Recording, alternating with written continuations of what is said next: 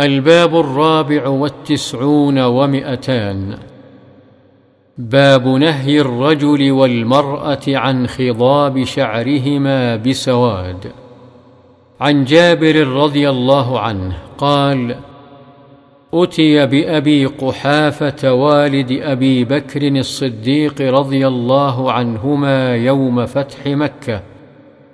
ورأسه ولحيته كالثغامة بياضا. فقال رسول الله صلى الله عليه وسلم غيروا هذا واجتنبوا السواد. رواه مسلم.